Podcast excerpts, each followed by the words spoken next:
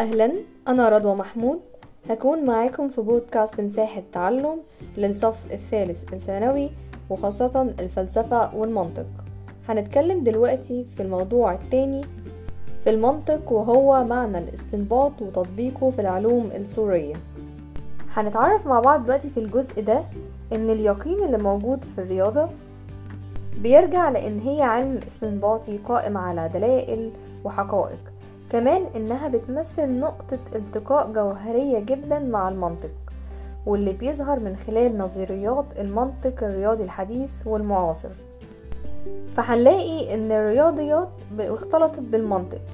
ما بقيناش عارفين من إحنا بنبدأ منين سواء في المنطق أو في الرياضيات. فمش عارفين من أين يبدأ المنطق وأين تنتهي الرياضيات. فهنلاقي إن المنطق بقى أكتر رياضية والرياضيات بقت أكتر منطقية. تعالوا نتعرف مع بعض على أول حاجة وهو المنطق والرياضيات في المنهج الاستنباطي. هنلاقي إن أرسطو بين مبادئ العلوم السورية البرهانية اللي هي قايمة على براهين وأدلة والعلاقة بين المنطق الاستنباطي والرياضيات. فهنلاقيه إن هو كان بيقول إن هو يجب أن يبدأ كل علم برهاني من مبادئ غير مبرهنة. وإلا سنتراجع في خطوات البرهان إلى ما لا نهاية.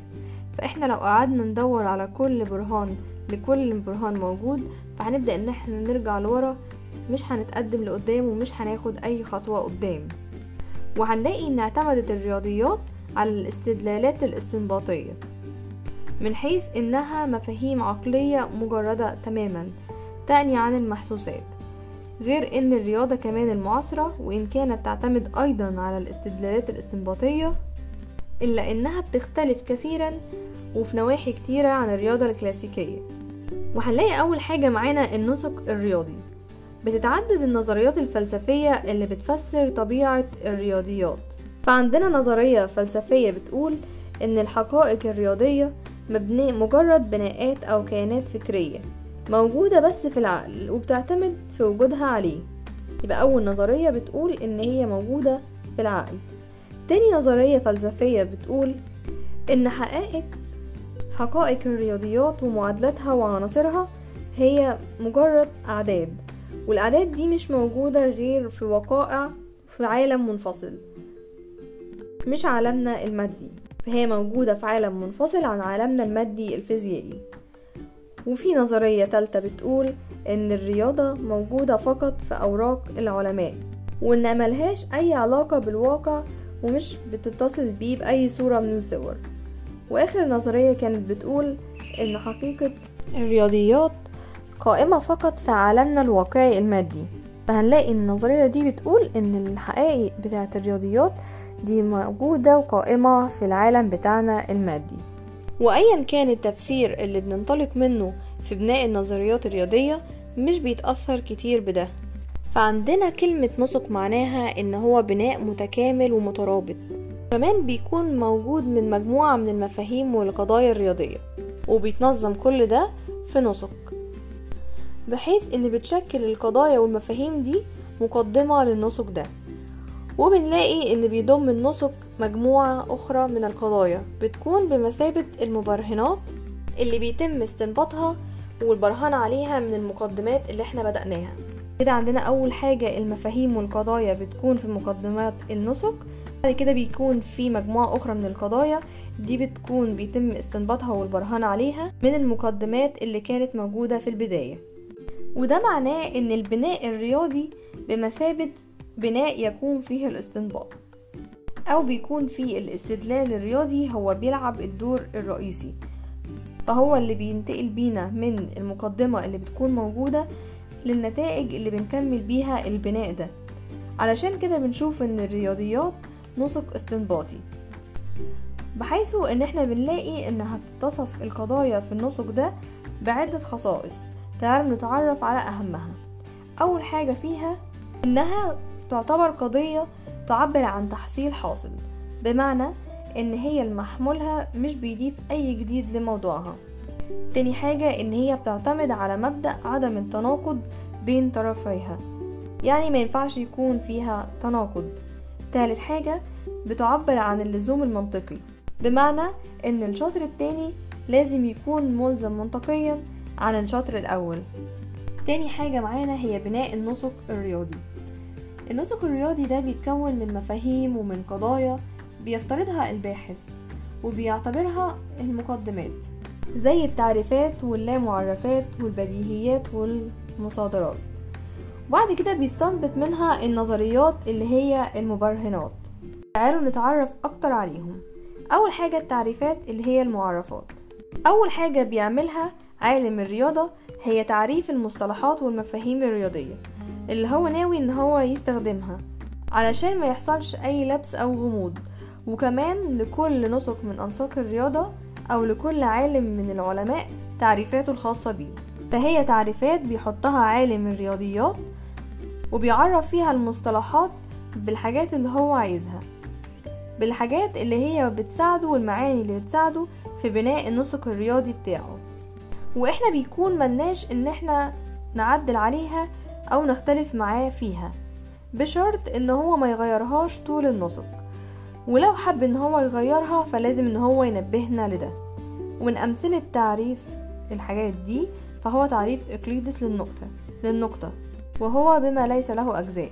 وإن الخط بأنه طول بغير عرض. وإن السطح بأنه ما له طول وعرض فقط وغيرهم كتير من التعريفات. تاني حاجة هي اللامعرفات. وهي ألفاظ واضحة بحد ذاتها.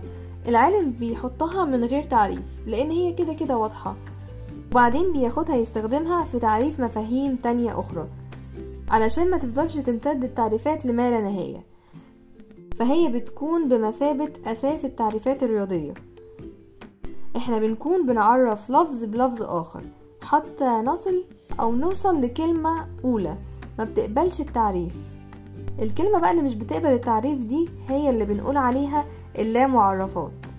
زي مثلا الطول والعرض. هي كده كده كلمة بديهية معروفة. فاللامعرفات بنطلق عليها زي مثلا الطول والعرض. كلمة معروفة مش محتاجة إن إحنا نبدأ نفسرها أو نشبهها بحاجة. تالت حاجة معانا هي البديهيات والمصادرات. أوجه الاتفاق بينهم إن هي قضايا بيسلم بيها العقل مباشرة. مش بتكون محتاجة البرهان اللي شدة وضوحها. تاني حاجة إن هي بتكون قضايا أولية بناخدها علشان نبرهن بيها قضايا أخرى فهي الأساس في الاستدلال ومش بتكون محتاجة استدلال مننا. تالت حاجة إن هي بتقوم البديهية والمصادرة على مبدأ عدم التناقض ما بيكونش فيها تناقض. أوجه الاختلاف بقى إن بيكون في اختلاف بين البديهيات والمسلمات أو المصادرات هنقدر نشرحها على النحو التالي هنلاقي إن البديهيات هي قضايا بتكون واضحة بحد ذاتها مش بتحتاج لدليل أو برهان عشان يثبت صدقها. تاني حاجة بيعجز العقل على إثباتها لأن هي بتكون بتفرض نفسها على العقل بوضوحها. لكن بنشوف إن المسلمات بتكون حقائق بسيطة بنقبلها من غير ما نحتاج إن إحنا نبرهن عليها. لكن الباحث بياخدها وبيسلم بيها علشان ياخدها أساس لبرهان تاني من قضايا تانية لكن هي ما عندهاش العمومية بتاعة البديهيات. بس من شروط المسلمات هي إنها تكون متسقة يعني غير متناقضة مع باقي النسق لأن العلوم العلوم الرياضية زي ما اتفقنا إن هي قايمة على عدم التناقض وإلا كانت أصبحت النظريات خاطئة. تاني حاجة إن هي تكون كافية يبقى أول حاجة تكون متسقة تاني حاجة تكون كافية. علشان نبرهن بواسطتها جميع النظريات النسق. تالت حاجة إن هي تكون مستقلة يعني إنها ما تكونش مشتقة من مسلمات أخرى. من الأمثلة اللي موجودة في البديهيات عند إقليدس إن الكل أكبر من أي جزء من أجزائه وإن الكميتان المتساويتان لكمية تالتة بتكون متساويتان. وإن ما ينفعش رسم إلا خط مستقيم واحد بين نقطتين. ده بالنسبة للبديهيات. من أمثلة المسلمات عند إقليدس إن المستقيمان المتوازيان لا يلتقيان مهما امتد وإن المكان سطح مستوي ليه تلات أبعاد هي الطول والعرض والارتفاع وإن الخطان المستقيمان يتقاطعان في نقطة واحدة فقط. فممكن نلخص ده كله ونقول إن البديهيات هي مبادئ عقلية أولية فبالتالي هي بتسبق المسلمات. بس ما ينفعش إن هي تكون بتتناقض معاها. بس كمان ما ينفعش تكون البديهيات كافية لتأسيس علم بمفردها. لكن المفروض إن هي المسلمات بتيجي معاها علشان تكملها. باعتبارها قضايا أولية في العلم. بس لازم تكون برضو معتمدة على مبادئ منطقية أهمها مبدأ عدم التناقض ومبدأ الثالث المرفوع. فعندنا مثلا مبدأ الذاتية ده بيشير لأن الحقيقة بتاعة الشيء مش بتتغير ولا بتتبدل فالكتاب هو الكتاب. وأرسطو هو أرسطو. وعندنا مبدأ عدم التناقض ده بيعبر عن المبدأ ده وبيعبر عن المبدأ السابق بس بصورة السلب. يعني أرسطو لا يمكن أن يكون شيئا آخر غير ذاته. ومثلا ألف لا يمكن أنها تكون ب. وتالت مبدأ معانا اللي هو المبدأ الثالث المرفوع. ده بيشير إلى هذا القانون إلى امتناع الوسط بمعنى ألف إما أن تكون ب أو لا ب ولا وسط بينهما. زي مثلا القضية اللي بتقول إن بكرة الخميس هي إما صادقة أو كاذبة ولا يوجد حكم تالت. ده لو كنا بنتكلم عن القضية في نفس المكان والزمان. هنكمل في الجزء اللي جاي. باقي الموضوع التاني معنى الاستنباط وتطبيقه في العلوم السورية.